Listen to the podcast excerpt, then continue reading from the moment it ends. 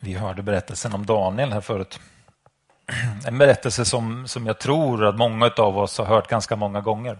Ja, det är ju ett exempel på en, en person som står fast i sin tro, i sin övertygelse trots att det är så att det är så många saker runt omkring som, som liksom vill, vill ta bort saker ifrån honom, som vill hota honom och så står han ändå fast. Han står där för, för sin tro.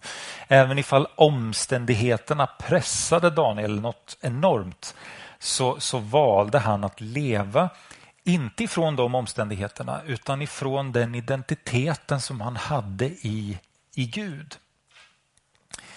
Eh, och Det där som finns på djupet i honom, den han verkligen är, att han, att han visste att jag är trygg i att vara ett Guds barn. Gud är den som har kontrollen. Det, det, är honom, det är han som leder och han som styr och jag lägger mitt liv i hans händer.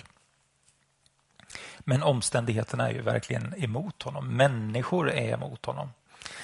Eh, och man kan undra egentligen, tror ni att han kände, tror ni han kände av det där? Liksom? Pressen, häxjakten. De är ute efter mig, de vill mig illa. Liksom. Misströstade han någon gång? När de tog honom och, och, och, han hade bett till Gud och han hade gjort allting rätt. Han har gjort allting rätt. Han har gjort det bästa han kunde. Och det var välsignat. Liksom. Och han hade bett till Gud och, och så blir han kastad i lejongropen. Tror ni att han misströstade? Eller, eller vad, vad, jag, jag, vet inte. Man kan undra vad, vad, vad tänkte han? Liksom? Men trots allt det där som hände runt omkring så var han trygg på något sätt ändå i att Gud har hand om allting. Det är i hans händer som, det, som, det liksom, som mitt liv får vila.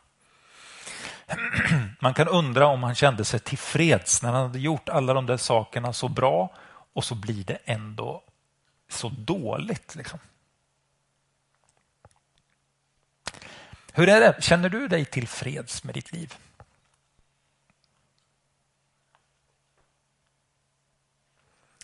Känner du dig tillfreds med dig själv? Med den du är? Med det som händer runt omkring dig?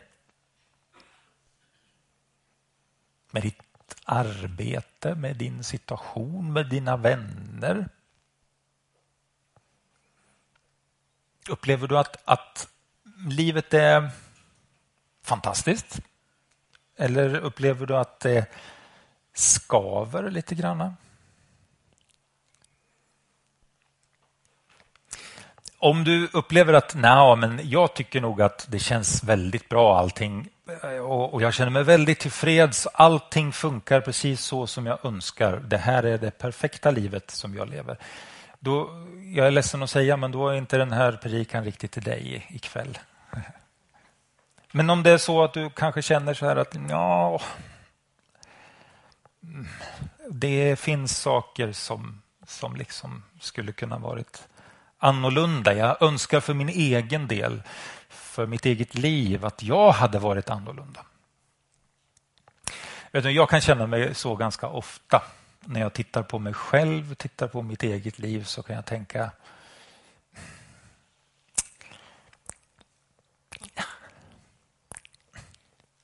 det liksom, Kom igen här.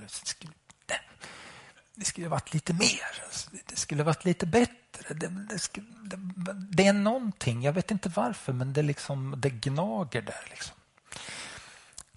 Jag bedömer mig själv. Gjorde jag någonting bra? Var det bra eller var det dåligt? Vad tyckte de om det? Tyckte de att det var bra eller tyckte de att det inte var bra?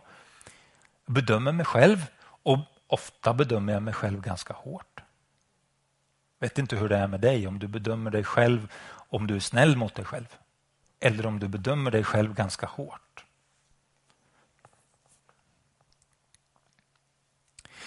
Ibland så är kanske det där tankarna om vad andra tycker är ofta liksom ett hjärnspöke. Va?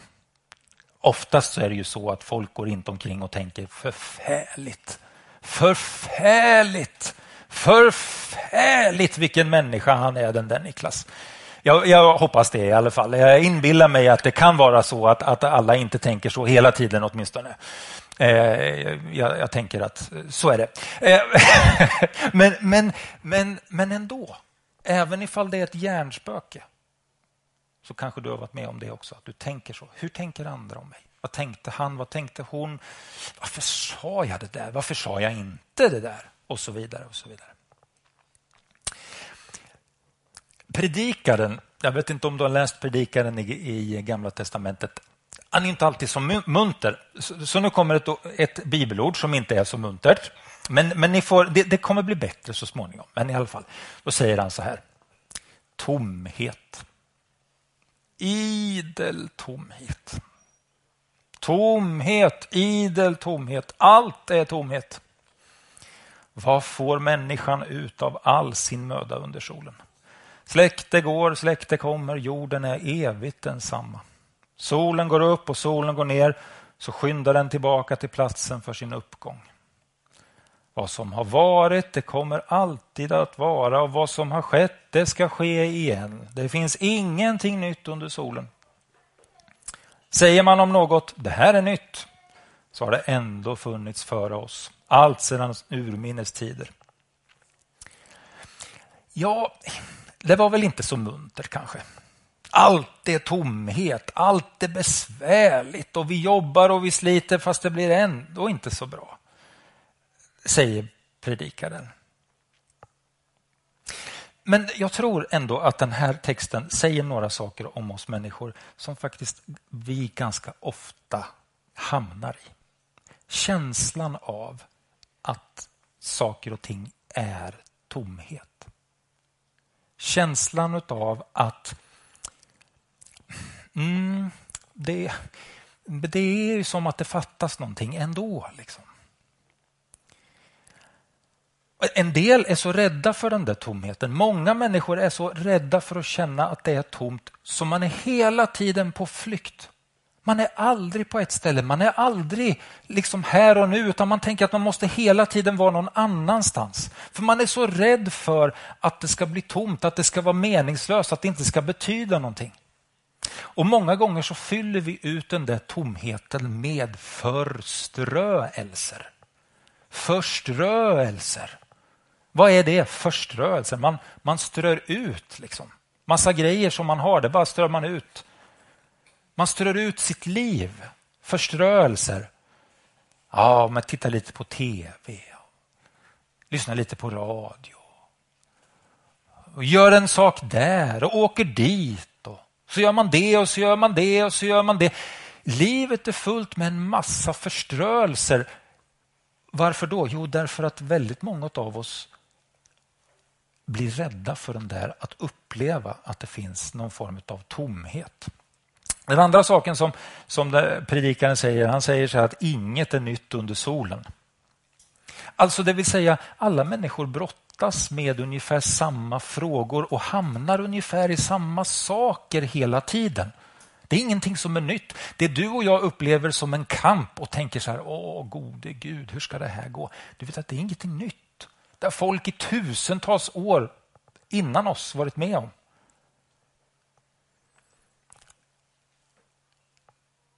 Många gånger när jag känner av att jag inte riktigt är tillfreds med saker och ting så vet jag precis varför jag inte känner det.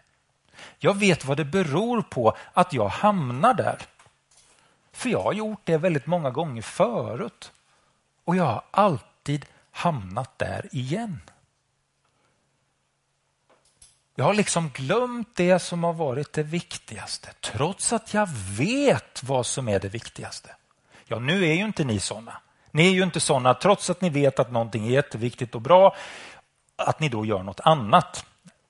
Så gör inte ni, men, men så gör jag. Korkat, urbota dumt och ändå så hamnar jag att leva i på ytan på livet på något sätt. Och då kan det upplevas och kännas som att det blir tomt. För grejen är den här, vi människor vi lever våra liv precis som man alltid har levt. Man går i skolan, man lär sig saker. Man utbildar sig, man skaffar sig ett jobb. Man bildar en familj, man får barn, man kanske bygger ett hus och så vidare och så vidare och så vidare. Alla de där sakerna, och det är inget fel. Inget av det där är ju någonting som är fel. Men vi hamnar väldigt lätt i det som egentligen bara är på ytan. Och när vi är klara med en sak och tänker att Aha, nu var inte det här så roligt längre, då måste vi hitta någonting nytt att lägga ner tid i. Och sen måste vi hitta någonting nytt och sen måste vi hitta någonting nytt. En del hamnar i att vi köper oss lycka. Och det är ju väldigt roligt att köpa någonting, eller hur? Du köper någonting och så tänker du så här, wow, det här är ju rätt så coolt. Det här är ju kanon, nu har jag den här grejen, det här är jättebra. Ja, det är ju bara det att om ett par veckor så är det ju inte så roligt längre. Då måste du ju köpa något nytt för att det ska vara roligt. Vi människor vi är experter på att hamna i det ytliga istället för det som verkligen är viktigt. Man kan säga att Daniel han, han levde kanske också på ett, på ett sätt på det där sättet. Han, hade, han fick en väldigt bra utbildning. Han, han åt hälsosamt. Han åt ju vegetariskt. Vet. Eh, det var ju bra. Han fick en uppsatt position och allting. Allting såg ju bra ut på ytan. Allting var ju bra där. Men i hans fall så var det också så att det fanns någonting annat. Det var inte bara det som syntes på ytan utan i hans fall så fanns det någonting också som hela hans liv bottnade i. Som gjorde att när stormarna kom och när det var tufft och när det var svårt så stod han fast. Obeveklig stod han där oavsett vad som händer runt omkring honom. Känner du att du har den fastheten i ditt liv? Känner du att du har den grunden i ditt liv? Du svackar inte fram och tillbaka utan du står fast. Du står på en stadig grund, du står på en klippa. Eller känner du att ja, jag är i det ytliga ganska mycket? År efter år som vi lever säger predikaren i alla fall att eh, generation efter generation så allting upprepar sig. Varifrån kommer den här otillfredsställelsen egentligen ifrån li över livet? Om man får, frågar en, en psykolog eh, så kanske man skulle kunna få svaret ungefär så här att ja, men vi, har, vi har behovet av att att hävda oss gentemot andra på grund av mindervärdeskänslor. Vi känner att vi är inte tillräckliga. Vi behöver vara någonting bättre. En osäkerhet om vad har jag egentligen för värde? Är jag tillräcklig i det jag gör? Räcker jag till? Och det gnager i oss som aldrig förr. Aldrig någonsin tidigare tror jag har den frågan varit så aktuell hos oss människor. Är jag nog? Eller borde jag inte vara lite mer? Och så i det där så tappar vi ofta bort det som egentligen är det absolut viktigaste. Alltså den inre meningen, den existentiella meningen. Men frågan är, är du egentligen mindre värd än någon annan? Nej, men det är du ju inte. Du är ju inte mindre värd än någon annan. Men på ytan kan det faktiskt vara så. Därför att på ytan så är det så här att där jämför vi oss med varandra. Va? Vad vi är duktiga på. Och du vet att när, när man kan jämföra sig med, något, med någon annan, då är det alltid så att det finns alltid någon som är lite bättre på någonting. Och då blir det problematiskt. Och det är ofta där som vi befinner oss när vi, när vi tittar på oss själva. Jag är bra på det, eh, men nu är det ju så där att den och den, de är ju faktiskt bättre på det. Och det blir jobbigt. Och, och på, på, ytan så är vi liksom någon form av produkt av arv och miljö. På ytan så är du gammal eller ung, du är vacker eller ful, du är intelligent eller dum. Ja, på ytan. Du kanske har ett visst temperament eller karaktär. Du är trevlig kanske. Eller också är du besvärlig. Du kanske är kolerisk. Eller så är du saktmodig. Kanske är mjuk som människa. Eller också är du en aggressiv person. Och på ett sätt kan man ju då säga att de där sakerna säger någonting om vem, vem du är. Och Det här är ju väldigt populärt. Säg den som inte har gjort ett personlighetstest. Hur många har varit med om att göra ett personlighetstest någon gång? Ja, det var ganska många som hade gjort det.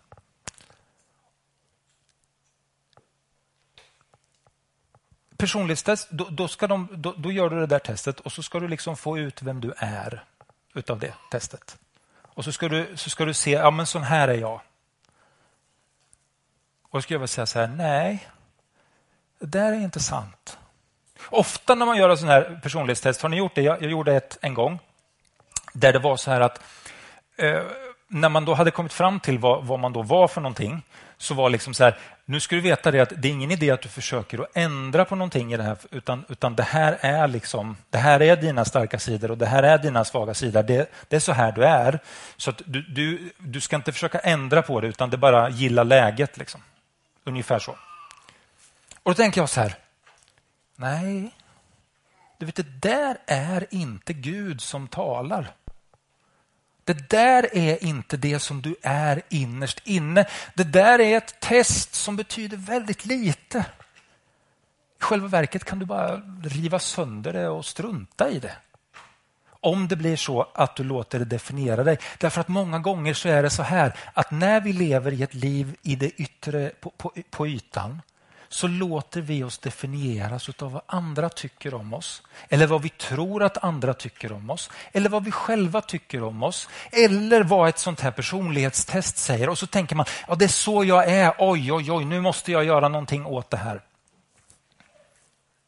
Och så fortsätter man och måla på sin fasad.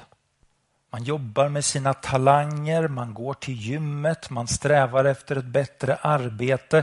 Man arbetar med alla sina tillkortakommanden och försöker och försöker och försöker att bättra på fasaden och så tappar man bort att ett hus är definitivt inte bara en fasad utan ett hus har någonting som är inuti, där funktionerna finns, där livet finns. Och så är det också med dig. Din fasad är ingenting. Det som är du, det som finns djupt där inne, det som Gud säger om att du är, det är den som du verkligen är.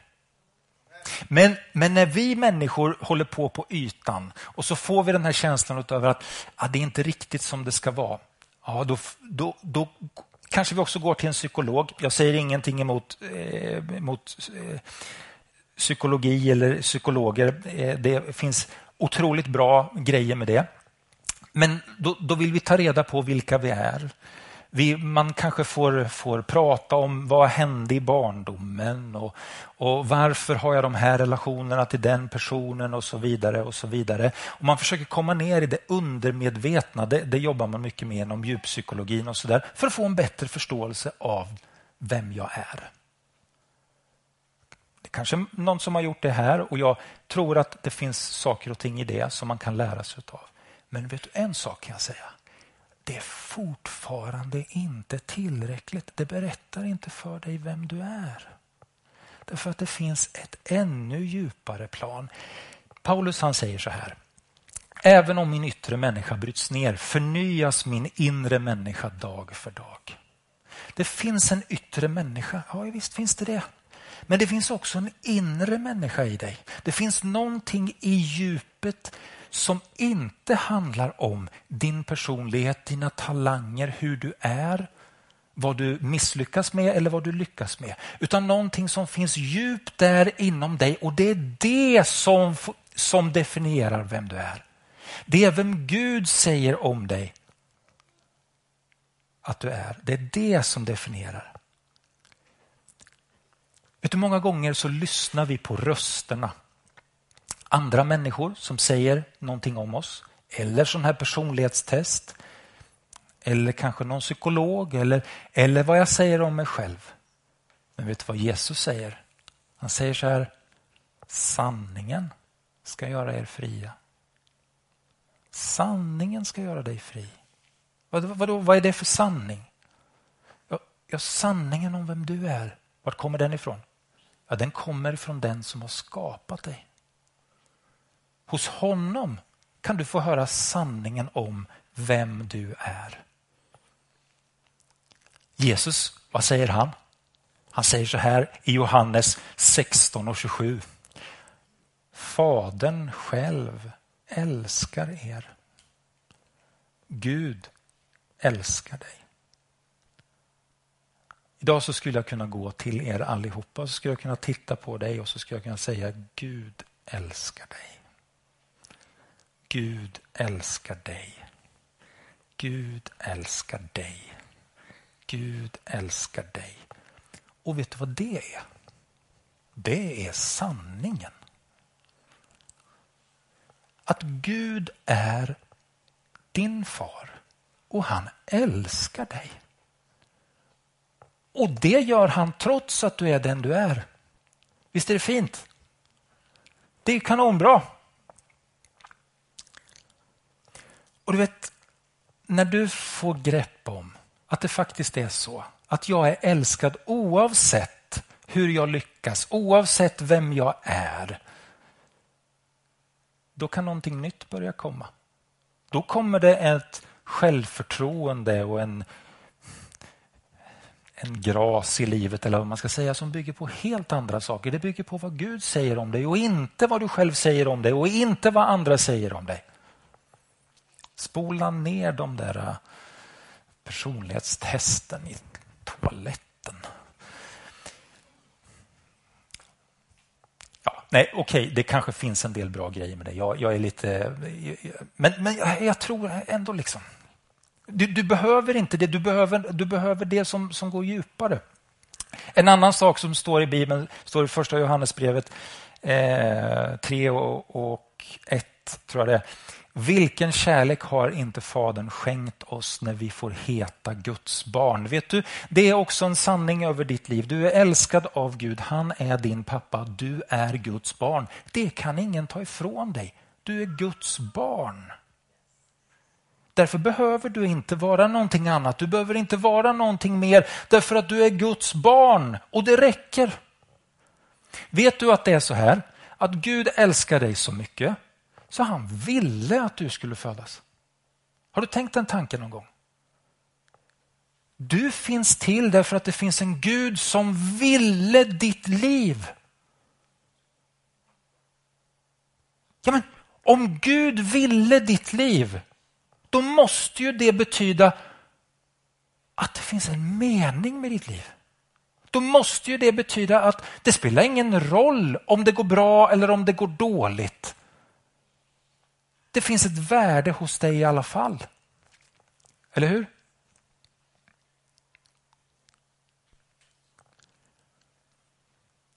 Gud vill ditt liv, han älskar dig. Och vet du, när han ser på dig då tänker han så här, det där gjorde jag ju väldigt bra. Tänker han. Han tänker ju inte, oh, vilka, vilken bunch of losers alltså. Vilket gäng förlorare de är de där alltså. Oh, jag blir så trött. Vet du. Och har du sett på henne? Ha! Och honom? Ha! Nej, inte alls så. Utan helt tvärtom. Han tänker så här. Wow, kolla här vad jag har gjort, vad jag har skapat. Och sen är det klart, så finns det nog ganska mycket tårar också där. När han märker att du talar ner dig själv när han märker att du begränsar dig själv, när han märker att du säger saker och lyssnar på saker som är falskt, som inte kommer från honom. Det är klart att han är ledsen. Men i djupet så är han glad över att du är den du är. Och han vill inte att du ska vara någon annan. Har du någon gång försökt förändra en människa? Det är ganska vanligt när man gifter sig med någon att man tänker att man ska förändra den man har gift sig med. Ja. Lycka till. Det går inte så bra. Det går inte så bra. Nej. Men däremot så finns det en möjlighet att förändra sig själv. Det gör det faktiskt. Men inte om man själv tänker att jag måste sträva, jag måste göra, jag måste bli bättre, jag måste kunna det här, jag måste jobba på de här bitarna. Då går det inte så bra. Men om du får grepp om att du är älskad av Gud, du är Guds barn. Du kan vara trygg i att oavsett hur folk uppfattar dig så, så behöver du liksom, du, ja, jag vet inte hur jag ska förklara, du behöver inte vara någon annan, men ur det Ur den identiteten så kan ditt liv förändras. Och människor kan säga, men du, vad har hänt med honom? När jag mötte honom då var han ju så här, men nu är han ju annorlunda. Varför då? Och därför att Jesus, Gud, har gjort någonting i ditt liv. Då är det inte längre du som gör det, utan det kommer upp ur ditt inre. Idag så ska vi, nu ska vi gå ner för landning. Eh, idag så, du som, du som känner att ja, men, det är liksom inte riktigt tillfreds. Oftast tyvärr så, så är jag mer i de här ytliga tankarna om mig själv än att jag landar i att jag har min identitet i, i Gud. Och jag, många gånger så, så händer det liksom att jag tar till de där grejerna som som är förströelser och jag vet om det. Men jag hamnar lätt i det, tyvärr.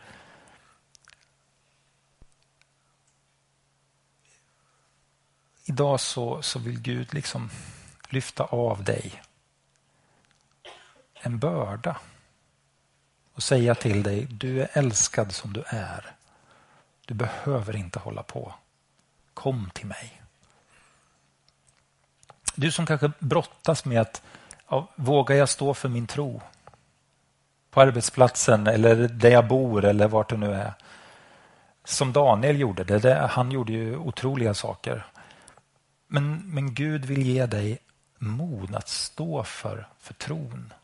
En fasthet, en inre fasthet som gör att du liksom kan, kan stå fast.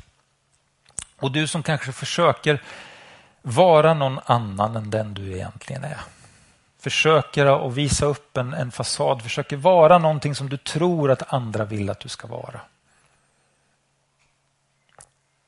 Idag så vill Gud säga till dig, jag har skapat dig som du är. Jag tar hand om ditt liv.